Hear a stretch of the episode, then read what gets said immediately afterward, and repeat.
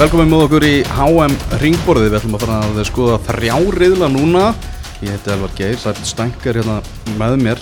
Sæbjörn, þið skoðuðu hérna fyrstu tvo riðluna á og björriðil núna í vikunni. Já, Við ætlum að taka, taka þrennu og um, taka þrjá riðla í, í einu. Uh, Þetta er allt saman í, í bóði Netgyro sem að er að styðja HM umfjöllun fótbolta.net og jólareikningurinn er með komin í, í loftið sem þú vesla með Netgyro í november og desember. Getur þú borgað í februar og netgyro.is fyrir, fyrir meira? Mm, sniðulöst, mjög sniðulöst mjög sniðurlust uh, hvaða riðlar eru þetta sem við erum að fara að kíkja á núna? Það er að fara að taka C, D og E-riðil Já, við ætlum að hérna, taka þetta ekki alveg í, í rétti röð, við ætlum að byrja í dýrriðlunum Við erum aðeins að leika okkur. Við ætlum aðeins að leika okkur því að í dýrriðlunum er eina Skandinavíu þjóðin ok grannar okkar í, í Danmörku eru í þeim riðli. Og við ætlum að eh, heyra í góðu manni sem að þekkir danska liðið út í gegn. Og hann heitir Freyr Alexandersson. Já, og eh, Freyr er komin á á línuna og ætlum að skoða þennan riðil, þennan danska riðil, það eru náttúrulega Túnis, Frakland og Ástralja sem einnig eru í, í riðlinum. Hvernig er stemmingin hjá dönum, Freysi, fyrir, fyrir háan?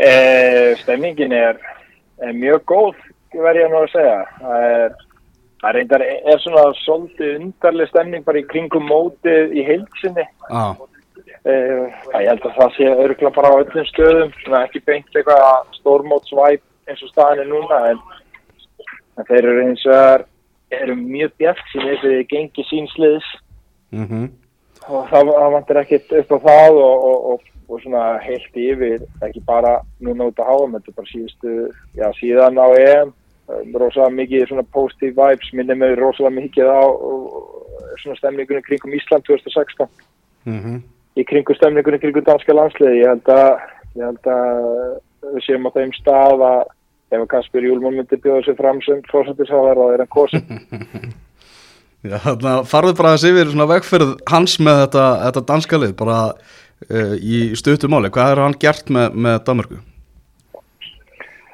uh, hann, hann náttúrulega þetta er bara ótrúlega áhugaverð áhugaverð ferðala hjá honum af því hann tekur við af Ógi Hár Hærætti sem hafi náðuleg frábærum úrslitum og það var alveg svolítið svona umdeilt á þeim tíma sem að er ráðan og meðan að Hærætti er ennþá í, í starfi. Um, og, og það voru margir skeptiskir af því að hann, hann er með svona ákveðinu fótbolta filosófíu stimpil á sér eða var með Kasper. Mm uh, margir efins sem hann myndi virka í landslýsfótbolta en, en það sem Kasper hefur gert og hefur sínt að hann er búin að undirbúa sig að var búin að undirbúa sig gríðalega vel fyrir starfið og, og finna þau svæði sem var hægt að að lifta þessu upp og þau fóru í bara sameilitt átak í kastinu sambandi og hann að hvernig þau myndu uh, tala út á við og fá þjóðina með í, á þetta ferðala og það er kannski það sem hefur lykkast hvað best hjá þeim að hann er gjörsanlega búin að fá alla þjóðina með sér. Já, og, og e, það er slegist um miða á, parkinn í hvert einhver skipti sem er spilað þar og, og, og landsliðið er, dýrka á dag og, og Kasper Júlmann er frábær talsmaður liðsins og, og þeir eru með mjög svona góð, góð gildi sem að passa vel við dönsku, dönsku þjóðina eins og þeir sjá sig allavega. Mhm, þannig að það hefur virkað alveg óbúslega vel. Og svo fótbolta hliðin sem slík þá erum við náttúrulega bara að byrja á því að, setja fókusin á að Danmörk á óbúslega mikið af hrikalega sterkur leikmennu þeir eru með mikla breytt og marga leikmenn að spila góðu level og þeir eru lang, langt flestir að spila reglulega og með stór hlutverk í sínum landsliðum.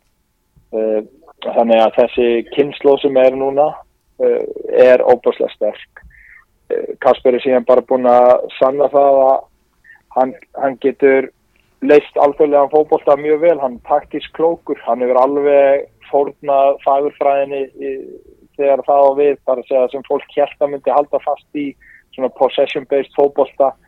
No matter what, það, það, þetta snýst um hann á úrslit að þegar að það á við, uh, hann hefur sínt það til dæmis í þessum leikjum moti frökkum með mjög skýrt plan, annars er að pressa það mjög hátt eða þá að líka bara í, í, í góðri íslenskri láblokk og, og sækja með skyndisóknum við skipilöðum. Uh, hlutverkaskiptin eru mjög skýr í liðinu. Um, þeir geta auðvitað skipta á milli leikkerfa, þeir eru búin að æfa tvö kerfi það er að segja aðalega 4-3-3 og svo uh, 3-4-3 þannig að þeir eru mjög auðvitað að skipta um, um leikkerfi bara inn í leikjunum.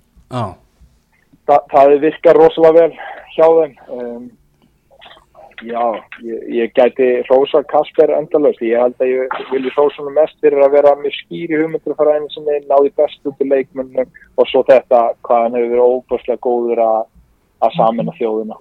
Mm eins og þú segir, það er alveg, þú veist, það alveg ástæða til bjart síni þannig að séð fyrir, fyrir dönsku þjóðuna Já, úrslitin hafa verið náttúrulega gríðalega góð hjá þeim og framistæðan einnig, þannig að það er alveg ástæða fyrir uh, að- þóra að hugsa stórt. Og þegar þeir tilkynntu leikmannahópin þá stóð uh, Kasper Júlmann í, í pontu og sagði að þeir væri að fara til Katar til þess að koma til Kaupmannahafna með byggarinn þannig að þeir þóra að setja háleit markmið og fara til Katar til að reyna að vinna mótið. En hann tóka jafnframt fram að þeir væri ekki favorites og það væri, væri önnu lið og þá var hann að spyrja hvað lið hann held að væri líkið þá nefndi hann Argentínu en, en þeir fara allavega kókröstu til Katar. Já, nokkulega. Ég er náttúrulega með nokkra leikmenn sem við þekkjum nú, þekkjum nú vel og erum að horfa á í hverri viku eins og Kristján Eriksen og, og Hauberg og, og fleiri, en hvar er hvar er veikleiki danska liðsins? Hvar svona vantar helst kannski upp á ef, það þyrft að bæta eitthvað? Já, þetta er, þetta er kannski bara uh, spurning sem er erfitt að svara því að, að liðið er svona í nokkuð jaft Já. uh, í svona heildina litið. Um, bakvarastöðunar eru kannski ekki veikleiki, bá, uh, þeir hafa spilað gríðilega vel en samt sem áður þá hefur Jókim Meili vinstri bakverðin ekki verið að spila eins mikið fyrir Atalanta eins og hann hefur gert áður og kannski ekki í sama rytma. Það hefur Kasper útskýrta eins og liðið er búið að vera þá er kemistrian uh, tengsl milli leikmanna mikilvægari heldur en heldur en kannski einhver annar vinstri bakverður sem að spilar í hverju viku 90 mínútur Mm uh, sama með hægri bakverðarstöðuna þar er Daniel Vess sem kom frá Atletíku Madrid til, til Bröndby núna uh, á lokadegi síðasta klukka það er náttúrulega skref tilbaka hjá honum en hann er búin að spila reglulega hjá, hjá Bröndby og hann mun standa sig vel fyrir, fyrir landsliðið en það er samt svona kannski verður áhugavert að sjá hvernig hann mun performa og, en þeir eru búin að fá inn annan bakverð sem heitir Rasmus Nissjón sem er í Leeds sem Já. er hrigalega upplifur alltaf þessi Einmitt. típa heldur en Daniel Vass og þannig að það er kannski þar helst þeir eru mjög vel settir í miðvarastöðunum með Jókim Andersen uh, AC og, og Simon Kjær. Kannski þeir helst að nefna þá svo er Viktor Nelson líka sem er í Galatasaray. Mhm. og mjög sterkir þar. Uh, það er örlítið áhugjafn hjá þeim að Thomas Delaney sem er líkilmaðurinn á miðjunni hjá þeim hann er, hann er búin að vera í kuldanum hjá Sevilla er að leiðinu frá þeim. Þannig að en hann er bara stríðsmaður, hann verður í tókstandi það er bara svona svip og case og þegar Aron Gunnarsson kom haldrandi inn á, á, á EM og, og HM alltaf að einmitt. skila vekt sinni með landsliðinu. Eh, svo er alltaf þessi spurningum hver á að vera nýjan í liðinu. Cornelius er komin til þessi K er, er, er sem target center er að Dolberg er búin að vera stabur hjá sér víja en þeir leysa þetta alltaf einhvern veginn. Þeir eru ekki, ekki með neina svona eh, afgerandi nýju í liðinu. Mm Þannig að bara möguleikin í, í reyðlunum, náttúrulega með frökkum í, í, í reyðlið, það er svona kannski, ég bara flestir að búist því að frakkar vinni og, og danir uh, fari með þeim upp í, í gegnum annarsætið. Já, ég held að það sé það sem allir búast við. Eh, Ég held hins að bara að þetta heimsmeistara mót í heilsinni verði öðru sem flest öndur mót. Eh, Það verður mikið um óvænt úrslit bara út af tímapunktunum og hvernig leikmenn kom inn í mótið og, og þetta verður svona aðeins öðru sig. Ég held að, ég held að þetta getur snúið. Eh, Þetta verður ekki eins og Danir halda að þeir, þeir fari nokkuð öruglega upp úr viljum. Ekki leikmennir og þjálfvarnir, heldur svona danska þjóðin heldur það. Ég, að spila mútið túnis verður erfitt það er allt öðru sér fókbalti heldur en erum vanir að og margir einstaklingar góðir þannig að það orðið snúið verkefni fyrsti leikur Mhm. uh, Ástralja eru er strísmenn um, og svo náttúrulega frakkarnir er bara gríðlega blöður en þetta, þetta verður snúið en ég held samt sem áður ef allt er eðlilegt að verða Frakland og, og Danmörk sem fara áfram Mm Er mikil, mikil svona HM fári í, í Danmörku? Er komin ykkur torg og, og fánar og svona? Nei, það er ekkert sko. Nei? Það er bara, við varum það er einn í starfstömminu mínu er, er, er skátt fyrir danska landslið, þannig að fara morgun og spurði hann hvað væri búin að selja marga miða fara, ég spurði það fyrst, þekkið eitthvað sem er að fara sem áhörðum til Katar og þeir, enginn í staffinu mínu þekki neitt sem er að fara, sem að, finnst mér mjög áhugavert og þeir sögðu að væri búin að selja 700 miða, uh, sem sé 700 danskir áhörðundur á hverjum leik. Já, Það er ekki mikið. Nei. það er ekki mikið þannig að þeir þurfa vantarlega katararnir að fylla upp í þetta með einhverjum verkamönnum hana á, á svæðinu eitthvað. Já, allir það verði ekki gert svo les, allir það verði ekki þannig, en, en veist, það er gríðalega stemning fyrir liðinu og það vantar ekki neitt hérna og þetta verður stórt svona sjóans, sjóans í Danmarku og ég veit þeir eru búin að stilla upp í að, að fylla einhverja handbóltahallir að það sem fólk kemur og horfir á leikina og svo les, en þetta er ekkert svona HM-torg og, og eitthvað það er líka skýt galtinn, en enn ekki að skanda í bæ og, og, og horfa fókbalska, sko. Nei, nokkulega. En nú varst þú starfandi í, í Katar. Var ekki, er ekki vilja á þér til að fara að núta á, á, á mótið? Jó, ég hef alveg, alveg viljað fara og, og, og hérna og hafði alveg möguleika á að starfa eins um móti og, og var svona spá í því en, en svo bara sett ég heilsu mína og, og tíma með fjölskylduna fram með það að fara. Þannig ég, þetta verður svo tími sem ég get svona bara kvílt mig og vera hans með fjölskylduna þannig ég teki þetta bara sjónvarpinu þetta ára Já, nokkulega. Hvernig heldur að kvöldurum mun, mun lukkast til að, að halda þetta mót? Ég, ég held að svona allt í kringum leikina sjálfa, uh, matchday event og, og, og leikur sjálfur, uh, það verður allt til topp sko. Mm. Ég pingu áhugjur af uh, hvernig munu höndla þegar áhörður og stuðningsmenn bara koma til Katar og, og fara að skapa smá usla á torgunum og um klippin og kappin sko. Ég pingu áhugjur af því að, að það geti farið úr skeiðis en ég, eitt veit ég að, að þeir eru búin að undirbúa sig óbáslega vel og lengi fyrir þetta mót. Mm Akkurát. Heyrðu bara geggja, bara frábært að heyri þér, Frissi, og takk fyrir að gefa þér smá tíma. Ekki máli, strákum mínu. Takk fyrir sumulegis. Heyrðu, bye bye. Ok, bye bye. Já, og Sæbjörn, Kristján Eriksson, hann er að taka þátt í þessu móti sem er náttúrulega bara, já, kraftaverki líkast með mann sem að ljast reynlega á, á EM allstæðar. Uh, hversu mikilvægur heldur hann verði fyrir, fyrir Danmörku? Gífulega mikilvæg, ég held að það sé mikilvægasti leikmaðliðsins Já. og hann er stærsta nafnið og er að spila bara mjög góðan fótboltur núna á Englandi sem er mjög jákvæmt fyrir lið Mm -hmm. og ég held að hann geti eh, einmitt þess að segja, hann bara verið líkill í því að liði ég fara upp úr riðli og, og jafnvel áfram og svo aftur áfram sko Mm svo þá er náttúrulega bara spurning hversu langt þú ferð eftir það sko Já, það er alveg, alveg spurningin. mm. Þannig að, já, áhugaveru punktur sem Freysi kom inn á að hann býst við að þetta verður svolítið svona spesmót og getur fengið fullt af einhverjum óvæntum hlutum.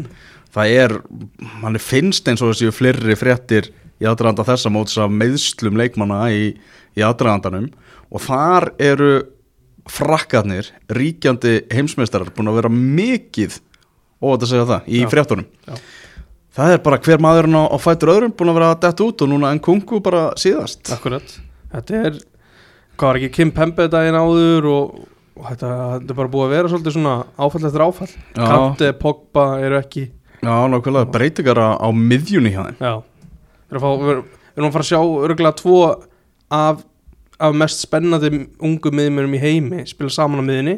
Já, við erum alltaf með Jude Bellingham í, á Englandi en þannig erum við með tvo í sama liðinu í, í hérna Kamavinga og Tukameni þetta er bara, ég get ekki beðið eftir að sjá að spila saman sko.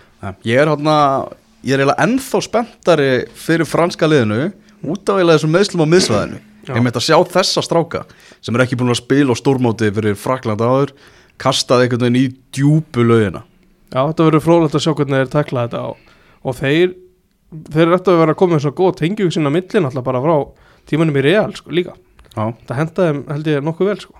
já. Þetta er, uh, er ekki Frakland að fara að vinna þennan riðl þrátt fyrir þessi meðsli bara skoða hennar leikmannahóp. Þetta er rosalegt, rosalegt magna af leikmannum sem að, að frakkar eiga. Jú, ég, fyrirfram eru þeir náttúrulega líklegasta lið til að gera það. Þeir eru með já, þegar bjelið þeirra væri sennilega sterkasta liði líka í riðlinum. Já, Þú veist, það væri algjört bili þá reyndar væri Dan Daniði nálætt ég, geði það en, en uh, þú veist, Túnis og Ástralja þetta er þetta- fyrir mér er þetta bara svo stór spurningamerki en það sem að Freysi sagði er náttúrulega hár rétt, þetta er, þetta er allt öðru í sig þetta, þú ert ekki vanur að spila móti þessum, þessum þjóðum sko. En svo er það oft þannig og sem gerir frakka að ólíkindatóli mm. það er bara hvernig er mórallin í akkurat. Hvernig eru mennan á saman, eru allir vinnir mm. þú veist þeir vilja, þeir eru nokkur rannar sem að vilja bara vera í sviðsljósinu Kylian Mbappe þar á meðal. En Bappi búin að búið að vera læti í kringum hann núna. Hann fekk vist ekki allan hérna, launatekkan greittan í, í byrjun oktober eitthvað þá fór hann í fílu og, og þetta er bara, veist, maður veit ekki hvað maður hefur gæðan sko. Já, og hann náttúrulega veitur ekki sjálfur hvað hann á að haga sér já af því hann á allt, hefur allt sko. mm En leikmannahópurinn sem slíkur, þrátt fyrir meðslin Mm. þetta er leikmannahópur sem getur farið alla leið og unnið þetta mót þetta er bara geggjaður hópur Já, svo getur þau þess að farið bara í verkfall og í já. og, og allt farið í skrúuna það er það líka að saga um, um ríkjandi heimsmystara sem að ítekar ekki aðeins mínu undir það að það getur orðið eitthvað, eitthvað vesen á þeim sko.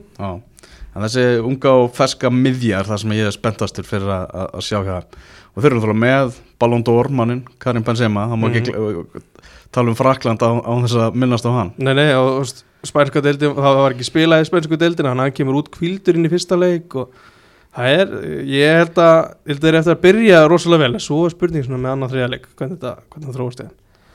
Já, Uh, og svo er, þú veist, Hugo Lloris, ég veit ekki ennþá alveg nei það. Ég held, ég held að planið hafi verið að Manjan hann það hjá AC Milan, en ekki þar. Já, Og að hann yrði aðanarflæður, hann er bara mittur, hann- eh, eh, Fór hann ekki inn í hópin Ég held ekki, sko. Hann er búin að vera meittur alveg í aðdrafandanum sko. Já, Já, þarna Ástralía sem er þarna einnig í, í, í riðlinum uh, ef þeir myndu ná að komast upp úr upp úr riðlinum þá er það bara í, í annarsinn í sögu liðsins uh, heldur að þeir eigi mögulega því þeir eru mögulega á því, en þeir þurfa þeir þurfa veist, að ná punkti á móti hérna Danmörku og klára Túnis og vona það bara að það dugi þeim sko. Mm -hmm. held að það verði- það verði einhver önnu leið sem það geta farið það virkar svona leikmannhópurinn hjá þeim eins og séu með uh, svona rosalega jafnan jafnan hóp og kannski fáir eitthvað sem að, sem að standa upp úr já, það er, það er svolítið svo leiðis um, menn að það er Matt Ryan í, í, í já, markinu matræðan er að það já, já. þeir er, Aron Mói er sem við konumst nú úr, ennskapoltanum algjörlega ég fór að hugsa hvort, að, hvort þeir geta ekki dreigi en eldgamla Tim Cahill og flót aftur. Það er svolítið síðan reyndar hann hætti. Já, en svo eru þau náttúrulega með eitt svona, eitt útspill, svona uh, áhugavert útspill sem er uh, þessi Newcastle strákur sem að heitir Garan Kúol já, og þetta er strákur sem að er 18 ára gammal og er búin að spila einn landsleik fyrir Ástrali akkurat hann er, hann er að, leiðin á háa já, hann, er ver, hann verður leikmaður eitthvað njúkasl í, í janúar eitthvað. Já, Já, þetta er mjög spennandi spennandi dæmi sko. hann er hjá Central Coast Mariners í, í ástralsku deildinni. Ég held að hann sé ekki búin að byrja deildaleikja það er Já, bara ok. Já, það er bara þetta er svolítið svona já, þetta er ungstyrni sem að Ástralir er er að binda, binda vonu við og ég menna einhverjar ástæðan þegar Newcastle með sína peninga er að sækja, sækja hana strák. Og að þetta er svona ef að hann verður í svona vantarlega þessu hlutverki ef að þeir þurfa að reyna eitthvað, eitthvað til, að, til að brjóta leikin upp. Algjörlega, þetta er, þetta er mjög spennandi spennandi leikmaður og gaman að sjá hvort hann fá einhverju mínútur. Já, það nefnir ekki byrja leik í Það er og bara verið að koma inn, inn á sem varamæður í, í leikinu en hann er í ástralska landsliðinu sko. það er bílað sko. Já, en það er nú oft þannig í svona þegar menn eru með stóra hópa Já, að akkurat. sé einn eitthvað svona sem er hugsaður, hugsaður fyrir framtíðina. Já, algjörlega. Það var náttúrulega umræða að þegar við tölum um Dana áðan og, og svona menn svona sem að lenda fyrir Utrópa Danir er mikið að tala um hann að Philip Billing. Já, hann var svona stærsta spurningin af hvað hann var ekki í hópnum.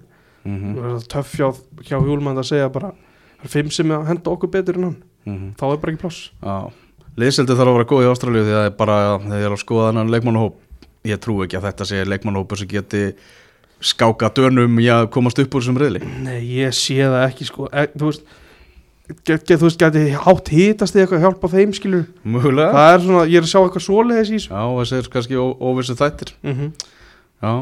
Uh, Túnis Heyrur hérna líka, þú er nú sérfrækur í Túnis. Já, ég er uh, sérstakur sérfranga fótbolta.net um túnisi mitt það eru, það er ekki mörg svona þekktnöfn en það er gífuleg reynsla í hópnum. Mm. það eru margir með marga leiki í hópnum. Já, þau voru náttúrulega líka með 2018 í, í Rúslandi Já, það eru tíu í hópnum. Það er ekki það að segja mörgum mörgum sem er að fylgjast með hverjir það eru en, en það eru tíu leikmenn í hópnum sem voru á HM 2018 Já. Þeir eru hérna þriðja besta Afrikulið í kjarninni Já. samkvæmt eh, samkvæmt styrkleikalista Senegal og Marokko sem eru, eru best og þetta er þriðja, þriðja besta og flestir spá því að þeir endi í besta falli í þriðja seti í þessum reyðli Já, þetta verður hann að bara um, túr, um þriða seti einhvern veginn þetta er, ef það væri eins og í mistraldina það væri einhver miði eitthvað áfram þá væri það spennandi baróta sko. Já, það er nú einhverju sem að hafa í bjartsinni kannski verið að tala um að þetta getur verið HM uh, HM Afriku landa. Já, ég er ekki að sjá það í þessum reyli sko. Nei, en það, samt, það gefur auðvitað þú ert þriðja besta Afrikuþjóðin þá, þá getur eitthvað í fótbolt það er alveg klart mál. Mm Svona mest spennandi kannski að sjá Hannibal Mespri sem er hérna leikmaður United. Já, hann er, er ein af ein af svona stærst, eitt af stærstu nöfnunum. Þessi hárprúði. Já, sá hórprúði Já, svo er þið með hérna Vabi Kasri sem að gerir garðin reyndar ekkert rosalega frægan hjá Sönderlandum árið. Mm. en annars er fátt um svona þekkt nöfn sko. Já, betur með bríðarnar á láni það ekki núna, Jú, hjá hann er Birmingham. hjá Birmingham. Já, Það er, hann er Já, ég held að hann geti alveg fengið ykkur mínútur í United á næsta tímabili. Ég geti séð að gerst já, þetta er alveg ekki, ekki stjórnum prýtt lið. Eh, þeir spila 4-3-3 Mm. sem að þeir svona gæti stundum litið út eins og 4-5-1 og líklega verða meira þannig í þessu þessari keppni sko Já, ég myndi halda það Já, þannig að já, það er þið algjörlega, það er bara sjokk ef að, að Túnis fari, upp úr, úr þessu reyli. Já, fyrir mér er bara bæði sjokk þó, ef, ef það verður Ástralía eða Túnis Mér veist bara Danmörk og Frakland vera það langt á undan sko Uh, vindum okkur aðeins uh, tilbaka, ef svo má segja. Þannig að maður taka reyðlana hérna aðeins í, í smá brenglaðri röð, við förum í, í sérriðilinn. Þar er Argentína. Argentína er í sérriðili. Já, margir tala um að, að þá sem er eitt af líklegustu liðum til að vinna mótið Já. Ég er með svona Suður Ameríku fílingu yfir þessu. Það verða Argentína eða Brasili. Mm. Smá svona nostalgíu og er þið náttúrulega reysa, reysa, reysa stórt ef að Lionel Messi stendur uppi sem, sem heimsmyndstari. Það er alveg saga sko Já, hefur náða að vera valinn maður mótsins á HM mm. en hann á eftir að taka steytuna. Ég held að það er að mörgum mörgum, þú veist, mörgum talið núna óumdeilnætt hver er bestur sögu fótballans en það verður held ég af öllum óumdeilt hver er bestur í sögunni ef hann vinnur hann Já, það má, fólk finnur alltaf eitthvað til Já, að deila já. um það. En hann er náttúrulega búin að segja það, þetta, það er nú eða aldrei, hann, Mm. þetta verður hans síðasta HM, það er öllu tjálta til og það er ekki bara pressa á Messi, það er líka bara pressa á liðsfjölugum hans, ekki alltaf ég að vera gaurinn sem að gera mistökin sem að klúðrar því að, að Messi standi uppi sem heimsmyndstari.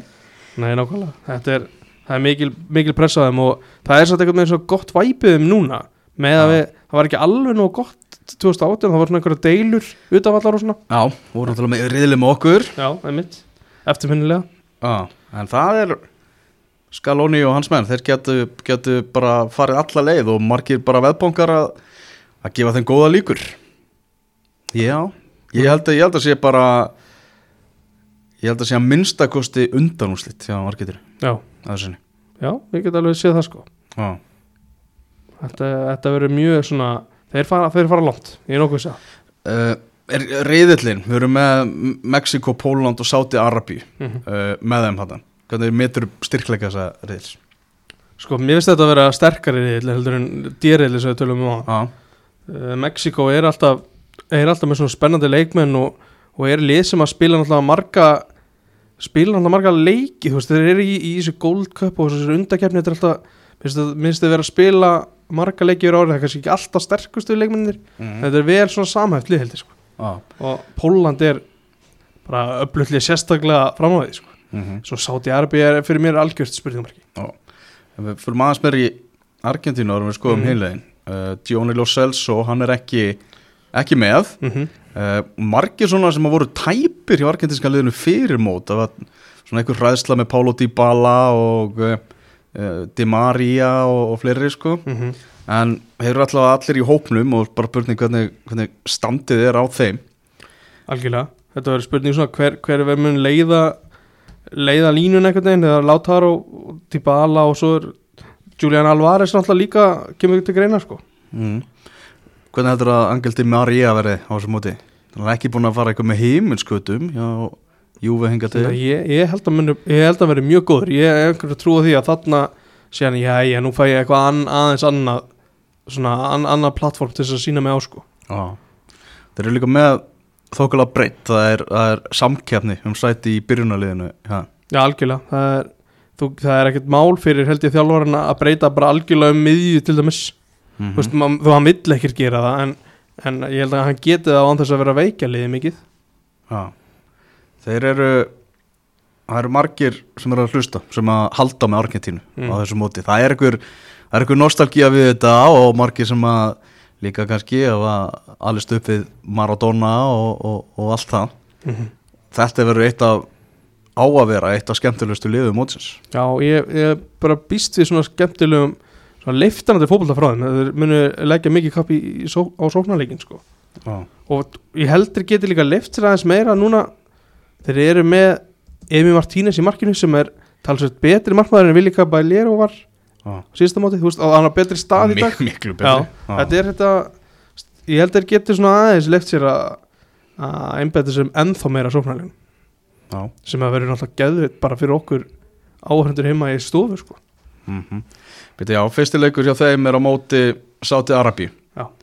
Þannig að svona ætti að vera þægilegt fyrir það til að komast, að, komast sér að stað. Já, ég hérna e, þetta fer í raunin eftir hvernig þeir skora fyrsta markið held ég, Já. Þú veist, ef þeir skoraða bara snemma þá getur þetta farið bara 4-5 jafnvel sko, 0 sko. Sáti Arabi að vann Ísland í æfingarleik hérna á, á, á dögunum en Já, það var bara bestu deildarlið Íslands Mhm. 1-0 mm, enduðu leikar. En í sko Sáti Arabi er hins vegar bara mikil bjart sinni í landinu sjálfu og, sjálfu og þeir vilja menna það að þeir séu með sterkasta liðið í, í, sem, að, sem að þetta landslið hefur verið með í einhver ár. Já, já það, er, það er jákvæmt allavega. Þeir hafa, þeir hafa trúið ef þeir gera það ekki þá hefur engin trúið með Nei, það er, er eiginlega þannig. Mm uh, þeir, þeir fara ekki upp, upp úr þessu reyðli Nei, ég, ég get bara ekki séð það sko. Nei. það er eitt að, með, með því óvæntar að Freysir svo sem spáði mörgum óvæntum úrslutum Já, það getur verið þá einhver sigur hjá Sáti Arabi sko. já uh, Póland þar er önnur stórstjarna sem að skín já, herra heldur, heldur en nokkur annar rétt eins og hjá Argentínu hann Mm. heitir Robert Lewandowski fyrirliðin markasti leikmaður þjóðarinnar frá, frá uppafi og e, minna, Gaurin er búin að vera frábær hjá, hjá Barcelona. Já, bara spila virkilega vel þar. Er það er ekkert eitthvað það er ekkert að, að, að láta á sjá þar. Nei, nei, hann er ekkert að dala frá því að var hjá, hjá bæinn það er bara þetta er bara marka vél. Já. og, og veist, það getur skorað í öllu leikinum þó að kannski úrslitin kom ekki í öllu leikinum sko. Nei. Nei, svo er þeir með náttúrulega með honum frammi er þeir með Milik og, og Piatek svona ef þeir þurfa að leggja ennþá meira kapp í sóknarleikin Mhm. það er spurning hversu, hversu margir af þeim þremur ja, hinnum tveimur fá að byrja leikinu sko. er með Wojciech Sessni í, í markinu Já. sem er svona tröstur markmaður, ég held að já, ég myndi alveg segja það sko. já, og er búin að vera það fyrir pólska landsliði mm Mhm. þetta sé búin að vera ég heila bara óumdeilanlega bara alltaf með, með stöðuna mm hjá þeim búin að vera náttúrulega markmaður núna Juventus síðustu ár samt eitthvað svona smá sem verið sett spilðumarki hvort það sé nóg góður í, í það en heldur alltaf sætinu já uh, þeir eh, voru ekki með í, í Rúslandi fyndi, fyndi eitthvað þeirna svona lið landslið eins og Póland hafi bara ekki verið með í Já, Rúslandi akkurat. meðan með við strákarnir vorum að leika okkur það sko. Það er grilla sko. þeir komu eh, inn í þetta í gegnum umspilið þar sem við lögðu þarna svíja já, 2-0 og eins og segir þeir eru ekki í auðveldur auðvili, þetta er allt, allt snúnir leikir. Algjörlega, þetta eru mjög snúnilegir eh, svona eitt nafn sem er sérstaklega kom, kom inn á. Matti Kassi hef mjög gaman að því að hann sé þarna. Pólverinn, Matti Kass. Já, það er eftir að finnast við að hann var, var náttúrulega skyndilega varða hann bara pólveri. Já, gróð upp þessa tengingu einhvern veginn. Það er mjög gaman að þessu. Já, hann hann upplugur leikmaður Mm. 25 ára gamall leikmaður Aston Villa. Og það var ekkert maður það fyrst komið með fréttirnar af því að uh, hann væri með ekki á tengingu gegnum mömmu sína mm. sótti þarna um pólst vegabref og hann fekk eitthvað flýti með ferð skiljanlega Mhm. og svo bara mættur í, í pólska landslið en það var hann að ekki að sjá fram á það að komast í það enska Nei, akkurat, ég hendur tímasetning fyrir það líka Lukas Piszczek hefur leist þessa stöðu og átt hann bara í mörg ár hmm. þá er komið að Matti Kassa að vera aðal hægri bakurinn Já, bara þegar við erum að skoða þennan riðil núna ég er skotin í þessum riðli Já, sko. þetta er góður Já. Öllu, öllu Já. Uh, Mexiko Já. uh, Þjóðin Mexiko lifir fyrir landslið Mexiko fótbolta áhuga fólk. Mm -hmm. uh, þú eru áhuga fótbolta í Mexiko það bara, er ekkit stærra heldur en landslið Mexiko þeir varu bara helst til í það að að það væri ekki félagslið heldur bara mexikoska landslið að spila út í gegn. Það er dyrka þetta lið. Já, Það er bara alveg þannig. Já. Og það er, það er sjarmið við því. Það er svona öðruvísi kúltúr og, og, og, og menning. Mm Þeir eru með hérna argentíska Gerardo Martino þjálfvaran Já, hann, er að, hérna, hann hefur gert bara fína hluti þarna. Um, Já, það er alltaf einn saga í kringum þetta móti er, er hvernig Raúl Jiménez er að koma inn í þetta móti Já. Hann er einhvern veginn, hann hefur ekkert verið með vúls undanfjörn en hann er klár í mótið. Já, hann er að spila í spila með landslinni í kvöld í síðasta æfingarleik fyrir mót. Já. ég, það er eitthvað skrítið við þetta. Er háa megriðlega þetta mikilvægt fyrir þess að gæja að það er hægt að setja félagslið aðeins á ís sko. já, já, það er hægt að geima það aðeins. Já, já, það er bara það er þannig, en heldur að veist ef hann hann sé að fara að vera, það getur ekki verið hann sé að fara að vera 100% á þessu móti. Það er bara, það kemur svo óvart en það er eitthvað samt, kannski er það bara bara ég tek enga sensa þetta með vúls mm við erum í þrótti -hmm. og ég ætla bara að vera hérna klári í fyrsta leik og vera til í byrjunlega sko. Það, svo er þarna, hvað heit hann, Jésús Korona, þarna sem er líka leikilmaður hjá þeim, leikmaður Sevilla, hann er, hann komst ekki, meðsli hans voru það alvarlega að það var allavega ekki, ekki hægt að tróða honum með, sko. Nei, og svo er náttúrulega það er svo sem alveg langt síðan að Chicharito var að spila í landslínu en hann er samt hefði potið verið í þessum hóp eða hann hefði verið að því sko. Já, það eru þrjú ár síðan að spila síðast það er skemmtilegt bara þú veist, eins og með, með veist, það er náttúrulega verið geggja að hafa koronaðna líka mm það er bara frábær spilari sko. Mexiko hefur verið að spila rosalega marga vináttuleiki undanfarna mánuði mm -hmm. og uh, án leikmanna sem, sem eru að spila í, í Evrópu. akkurat Þannig að kannski samheldara lið heldur en, heldur en mörg lið á mótinu. ég myndi halda það, svona, það er allavega ákveðin svona kjarni væntalega leikmenn sem að þá líka vita þeir eru svona að fara að byggja liði í svona kringum og svo koma var púsli frá Evrópu bara inn í þann kjarna sko. Mm -hmm. sem að sem að hendar hendar vel upp á bara á tengingar á milli manna eins og, eins og Freysi kom inn á sko. Þegar þú ert bara þekkir að spila með með tveimur, þreimur sem eru alltaf í kringu það er mjög gott sko. Hvernig er maður að henda upp úr þessu reyli?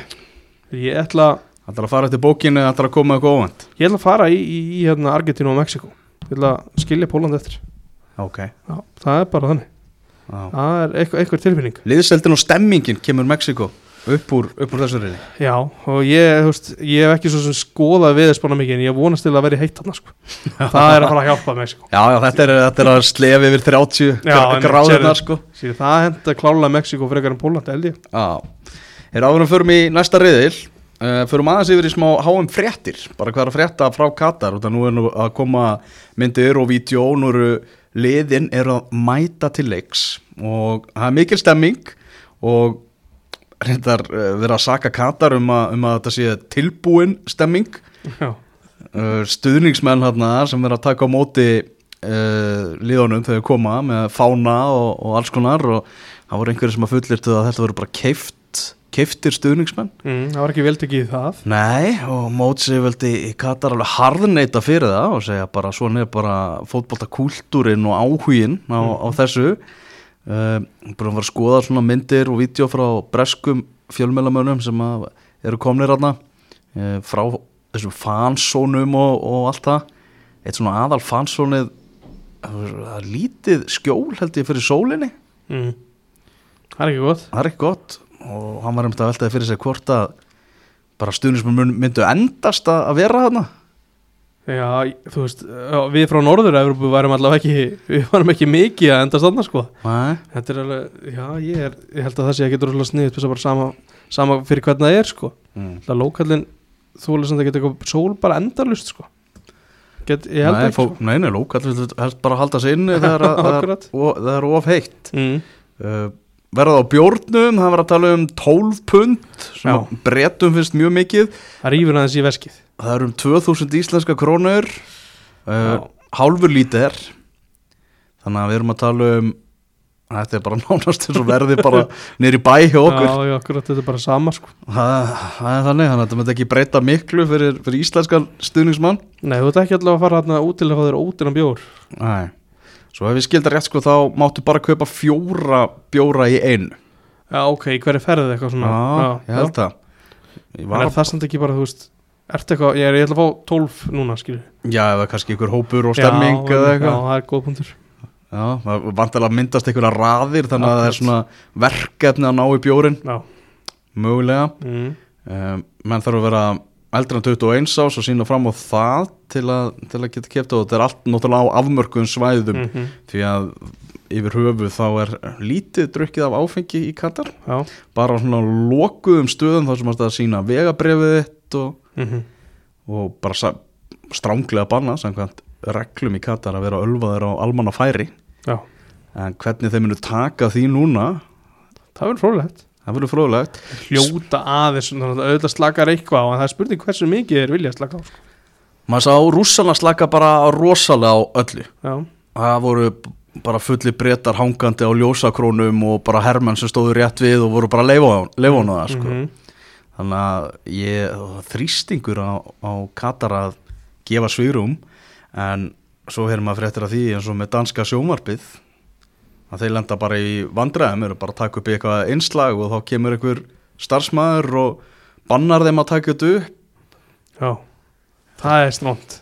og mér svaraði svolítið vel hérna, danski sjómarpæður þegar hann sagði "Meina, þeir eru að bjóða öllum heiminum til ykkar Mm hvað eru þið þá að, að fela? Til hvers að vera að bjóða heiminum til ykkar þegar þið hafa eitthvað að fela Það er sko spurning.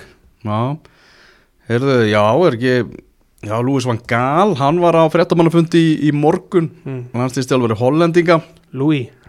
Já, hann gaggrindi uh, gaggrindi það að á móti væri haldið í, yfir vetratíman Já. Já, það er skemmtileg tímasending þess að gera það. Já, ég held að hann hefði reyndar gert það áður Já, já. hann svona hjælti á lofti og, Fínt að minna á það. og bara núna þegar hann er komin og loka undirbúningurinnum og undirbúningurinn hún fannst þetta ekki ekki nægilega gott, Mhm. Son hann er komið með þessa glæsilegu grímu Já. Því ég veit ekki. með, það átt verið kynbeisbroti það var Já, hann komið með svona ofurhetju grímu Já. og æfði með Einmitt. söðu kóriu í morgun mikið talað um það hvort að hann er með á mótinu og það verðist allt stefni í það að hann verði með Hann verður alltaf klár. já, Það minna kannski þannig með Sadio Mane. já, Hann verður ekki klár í fyrsta leik. Og jafnvel bara ekkert í getum mót svona eins og kannski allt svona fyrstu fréttir bendu til sko. það er eins og þeir séu bara treyst á Guð og Lukku með, með Sadio Mane því það var einhver, einhver, einhver hérna, töfralæknir sem áttu að redda einhverju og þeir svo sem viðkendu þeir vissi ekkert hversu mikið það myndi hjálpa sko. Nei. en það áttu bara að krossleika fingur og vona sko. já, já, skiljalegt þú ert með svona risa stjórnu Já, algjörlega. Þá er alveg hægt að geima eitt pláss fyrir hann og bara vona það besta. Mm, Æmitt Já, en það er svona fyrringurinn er farin að myndast fyrsti leikur á, á sunnudaginn. Já, Beinum þá sjónum okkar næsta að eriðli þar sem að uh, þjóðverjar eru hressir og, og, og kátir. Mm, bestir riðillin vil ég meina. Já, það eru þínir menn í Þýskalandi sem þarna, þarna eru mætir á samt uh, Spánverjum, Kosta Ríka og Japan. Já, Áður en við förum í Þýskaland Já. þá vil ég byrja á Spáni. Ok, byrjum að spáni. Já, mér finnst þarna uh, rosalega lítið talað um spænska landslið í aðdraganda háan. Já, ég er sammála. Það er mikið verið að, þú veist eða mikið, það var aðeins svona rætt eitthvað með Tiago, De, De Gea og Ramos þeir eru ekki að fara. En annars er bara lítið talað um spænska liði bara heilt yfir sko. Já, þeir eru með ég veist, ef, maður, ef ég horf bara hrattir hópi þá séum að það eru margir svona í yngri kantinum en svo ertu með svona gam, gamla ref í, í búskeið sem er fyrirlið liðsins. Mhm. annars er svona menn í yngri kantinum sko. Já, það eru svona nýjir menn að taka við keflinu hjá, mm hjá spænska landsliðinu og þar eru við meðal annars með þá félaga Petri og Gavi Barcelona krakkana, tvíegið já, sem að verður mjög skemmtilegt að að sjá á þessu móti. En eins og segir, þá eru þarna gamlir revir og Sergio Busquets hann er til dæmis á, á miðsveðinu líka. Mhm, já, já, fyrir lið. Eru með Rodri. Mm. ég, það er hann þetta er, þetta er alveg fín blanda. Þetta er nefnilega, þetta er mjög gott lið sko. og, og þeir eru með, með mjög Í- gott lið en, en hversu gott á HM Akkurat, það er eiginlega stóra spurningin hversu, hversu öflugir eru þeir, eru með Morata væntala í fremstu výlínu, hversu góður er hann? Mm Þetta er, að- ma, ég eiginlega alltaf spurningamarki við hann bara náttúrulega hver einsta ári þegar hann þegar eitthvað stórt einví eða stórt mót er hann nógu góður? En hann er hann er segur, Já, það vantar ekki upp á það. Og svo eru með Ansi Fati hann að spilta hvort að hann verði góður hlutverki. Mm ja, mikið tala um að hann átti bara að vera einhver efnilegstu leikmar í heimi. Meðslin sett bara mikið strik í reikningi þar og svo já, við talandur reynslubólta þá var þetta með Cesar Aspel Guetta sem er búin að vera eitt besti varnamæður í úrsteldin í sístu tíu árin. Mm þetta er, svona, það er, það er inn á milli. Svo er náttúrulega með Luis Enrique sem þjálfara. Já, hann ætlar að vera í byrna á Twitch. Ha? Já, það er bara eftir leiki þá bara verður hann í, það er beint streymi. Og þá Ok. var hann bara, það var þetta að fylgjast með hvað hann hefur að segja sko. Já. Ég, var, ég sá ekki alveg hvort það var að sé ekki ykkur velvaldir sem fá að spyrja? Kom í nútíman Já, ég er ánað með þetta. Já. Hann vil spila bara Barcelona-bolta með, með spænska landsliðinu. Mm, Mér finnst það skiljanlegt með að við einmitt þessar miðjum eins og þetta tala um að þú veist, þú ert og bakgrunnin í honum sjálfu Já, já, algjörlega. Já, hann alltaf fyrir þjálfari leysis að þú ert með, með Gavi og, og hérna hvað, og Petri mitt, já, þetta eru, þetta eru svona léttleikandi fótboltamenn. Mm Þegar sko síð, þegar leikir spánar eru skoðaðir uh, bara síðustu leikir fyrir, fyrir mót þeir mm. töpuðu fyrir Sviss í, í september en það er eina eini tapleikurinn á Já. þessu ári Mm. eins og það er ekki þetta er ekki sannfarandi úslit vinna þetta Portugal með einu marki vinna, vinna svo Sviss aftur með einu marki gera jafntefli á móti tjekkum Þetta er eitthvað með svona, þetta eru jafnir leikir mjög alltaf, jafnilegir, já. já, Þeir, eru, þeir eru ekki mikið eitthvað svona ganga frá andstæðingunum en þetta já, þetta er, þetta er einmitt, þeir verða alltaf í öllu leiki, ég heldur sér ekki að fara að tapa þeir eru ekki að fara að tapa nema mögulega á móti þjóðverðum sko. Mm. þeir er eftirminnilega reynda að rústu þeim árið hvort 2020 sem er bara gjössalega gengur frá þeim sko. Ég held að Rodri verði bílakóður í þessu móti já, hann er búin að vera virkilega góður hjá Manchester Hann er City rosa allavega. góður í, í hann er bara fáralega góður sko. ah. en þú veist, er hann, hann er alltaf vantilega að fara að spila búskett samt, er hann ekki fyrirlið liðsins? Jú, Já, er hann þá að fara að spila með tvo djúpa og bara tvo central fyrir framann ah, mjög góð Þetta verður fróðlegt hvernig hann stillir þessu upp sko. Já. Hvort það er bara þessi pláss fyrir Rodri akkurat. Það hlýtur að vera, hann er búin að vera það góður. uh, Já, þetta er alveg alveg, alveg bísna gott lið. Já, en maður sér að það ekkert fara allt og langt. Nei, ja, þú veist, þetta er eitthvað með þeir voru á EM til þess að maður, svona, maður horfður svolítið í það, þá fóru þeir, fóru þeir langt en það fókast ekkert eitthvað rosalega hátt. Hvað þeir voru í raunin góðir. Mm. og þeir voru mjög óefnir og ég held að döttur ekki út á móti Ítalju Já, minni það. Og það var bara, þú veist, þá voru þeir betri í leiknum en þessu í, í lokin sko. mm. þetta er, þetta lið er bara þetta er, Já ég var að sjá þetta það er alveg svona sterk umræða á Spáni mm, um það að nú sé tími fyrir Sergio Busquets að víkja til hliðar því að akkurat einfallega Rodri er með feskari fætur og, Mhm. og, og heitar eins og staðan er núna sko bara mjög skiljanlega umræða og það getur vel verið að það sé bara málið og Busquets er bara upp á reynsluna er hann hann á sveðinu sko. Já, það getur vel verið að hann sé bara fyrirlið hann þarf ekki að vera með bandi inn á vell og þannig ekki, þarf ekki að vera inn á vellinu fyrirliðin sko. þetta er, já, ég ég held að þetta lið getur farið í, í áttalúslin, Ok. Ég er þar. Áttalega úrslit á, á þá. Uh, séð ekki fara lengra. Þýskaland. Já, Þetta var, hérna, þetta var erfitt hjá þeim. 2018 og á EM allstaðar síðustu tvö stórmót. Eftir að þeir náttúrulega já, urðu heimsmeistarar 2014 mm Það er svona núna síðustu tvö stórmót verið, verið mikil vonbreiðin Já, við erum ekkert mikið að ræða þetta 2018 sko, það var alvöru afróð Já, það er bara, þeir, þeir gáttu ekkert í reyðleikefninu og fjallu bara verðskulda út já. þetta var eitthvað grín í gangi sko. já þeir líka, þeir ganduðu í neðsta sæti riðlum eða ekki jú, jú. það var bara mjög slæmt Það er rosalegt Já. það gekk ekki mikið upp þar bara ekkert um, já, manna að verðin er átt að vera svona átt að vera frammi og gera eitthvað Þú veist, veist, þú veist Svíþjóð og Mexiko fara upp úr riðlunum Já. Suðu Kóri endar í þriðasæti og, og Þískaland endar í fjórða og neðsta sæti. Það er ekki engin, engin stórþjóð sem var með þeim í. Já. En nú er uh, Hansi Flick, mættur. Já, Hansin okkar. Hansi geggjaður. Já. um, já, þetta er hann er með svona nokkuð, bara nokkuð bara fínt lið. Gefur að skilja hann með þýska landslið. Um, það er Það er eiga oft góða, góða kalla það er nokkur svona efnilegir spilarir í þessum hóp sko. um, já, ég hérna ég gerir mikla væntingar á mína menn.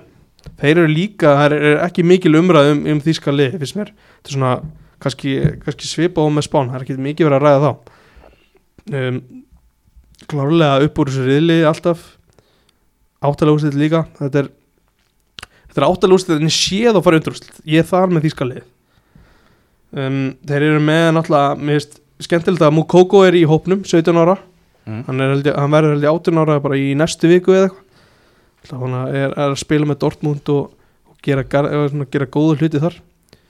Svo er þeim stærstur einn störnuna Eitt minn upp og fótballtamaður í Þíska landsliðinu Já, Joshua Kimmich. Hann er náttúrulega geggjar Já, það er bara, það er frábær leikmar og það er svo skemmtilegt að hann hafi tekið við einhvern veginn af Filip Lam bara í beinu framhaldi.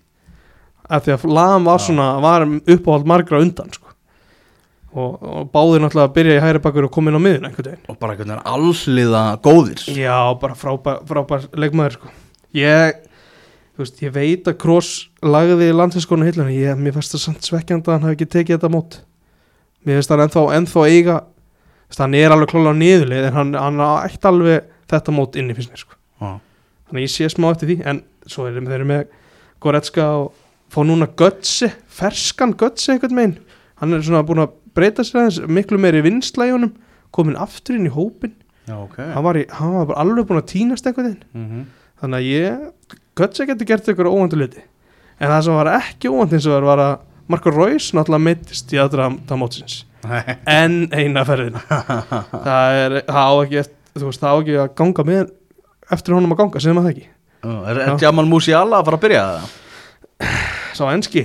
Uh, jú, hann er bara það getur vel verið. Ég, eða, veist, ég, samt, ég held að þetta verði meira hérna, þetta verður Muller þetta verður Gnabry um, Havertz. Ég, nei, ég held að Musiala sé ekki að fara að spila, ekki, ekki að fara að byrja. Með Goretzka á miðinu og Kimmich það sé ekki pláss fyrir hann sko.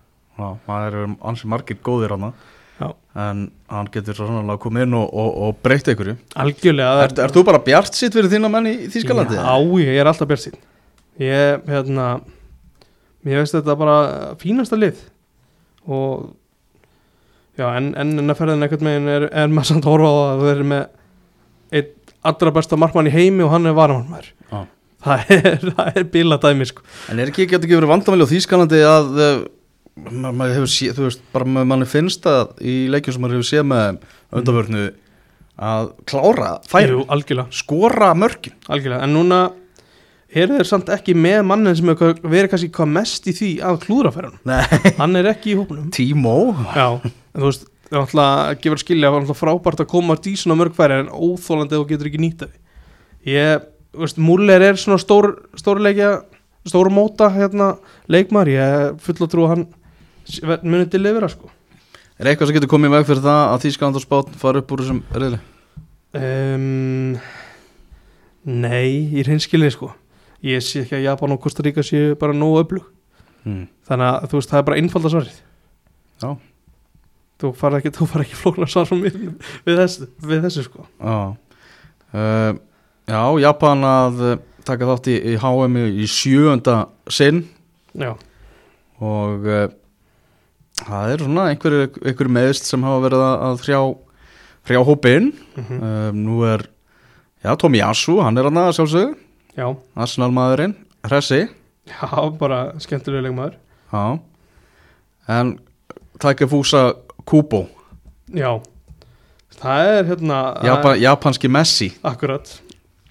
Að heyrt Ég er kannski ekki alveg náð því Nei, nei. æðum, En þann, menna hvað, hann er 21 árs. Mhm, Það er ennþá, ennþá tími fyrir hann sko. Já. En þetta er Er núna hjá Real Sociedad. Akkurat Hann er að gera ágætt hluti á spána held ég sko. Hann er bara En auðvitað um andar talsvært í land í að verða næsti Messi. Já.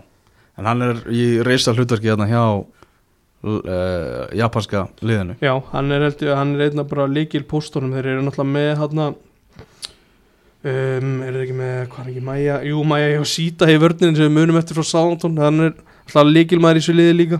Mm og annars er svona þeir eru svona held ég stærstu uh, nöfnir er ekki með hann sem jú, uh, þetta er svona stærstu tvö nöfnir Já, sko. þeir eru með svo Daichi Kamata sem er hjá Eintracht Frankfurt. Já, uh, Hann er með 7 mörg og 3 stóðsendingar í 22 landsleikim ágætist tölfræði. En það er, nú veist, þá ertu Og- náttúrulega mikið að horfa samt í, leiki í, á, í Asjuhefni við vitum alltaf bara ekki alveg Já, en hann er búin að gera það er, flotta hluti með, með Frankfurt. Já, ok. Og vera mjög flottuð þar. Akkurat svo erum við með Mína Mínu þetta fyrir le leikmann Leopold, Já, Monaco í dag. Já og svona gengi ákveðla í leikjum hjá þeim í, í aðdragandanum. Já, ég held að þetta sé líka lið sem er búið að spila sig nokkuð vel saman, þannig að margir sem að spila utan Evrópu og geta verið í svona svona, rand, svona hvað tilvíluna kendum landsleikja klukkum eða það má orða þannig, þú veist, eins og í, í janúar eða núna fyrir mót sko. Mm Í þessu reyðli líka Costa Rica. Síðasta liði sem hann að tryggja sig inn á mótið en er hins vegar að fara að taka þátt í HM í þriðja sinn í röð. Já, komast í gegnum hann am, Ameríku undakefnina Norður Ameríku og þeir eru, hana, eru duglega að komast þar upp, vel gert hjá þeim. Já, þjóðhetjur hann 2014 það við komist í, í áttalega úrslitin. Mhm. með hvað, Joel Campbell og Keylor Navas stærstu stjórnunar Já, já, Keylor Navas, er það þó Keilun Havas er ennþá? Já, það er bara þannig. Hann er, já, hann var náttúrulega algjör heti hann 2014 og fekk skipti til Real Madrid. Já og bara stóð sér virkilega vel þar það er ekki annað sagt Svo er þið með hérna, jú, Joel Campbell er náttúrulega svo smanna ennþá hann er að spila í Mexiko, mm. León. Svo er Brian Ruiz, þetta er, þetta er, þetta er sömu menn. Já, þetta er summa, Já, hann er með sama lið Já, og þetta er bara- 2014 Þetta er bara sömu stóru nöfn Ég meina þáttur að Keilun Havas sé hann varamarkurður í dag hjá, þar sé ekki hjá Costa Rica heldur hjá, hjá félagsliði sinu Akkurat, þá er hann hann þá er hann bara magnaða markmaður. Virkilega góður. Hann er líka, hann er alveg svona stórleikja markmaður Já, Hann átt, var alltaf frábær í útsláttakefninni Sérstaklega með Real Madrid á sínum tíma sko. mm Og það hefur Þegar svona stóru stundir þar á móti, móti Spán og Þýskalandi svona verða þá er frólægt að sjá hvort að hann bjargi ekki allavega nokkrum nokkrum döða færum frá því að fara í neti sko.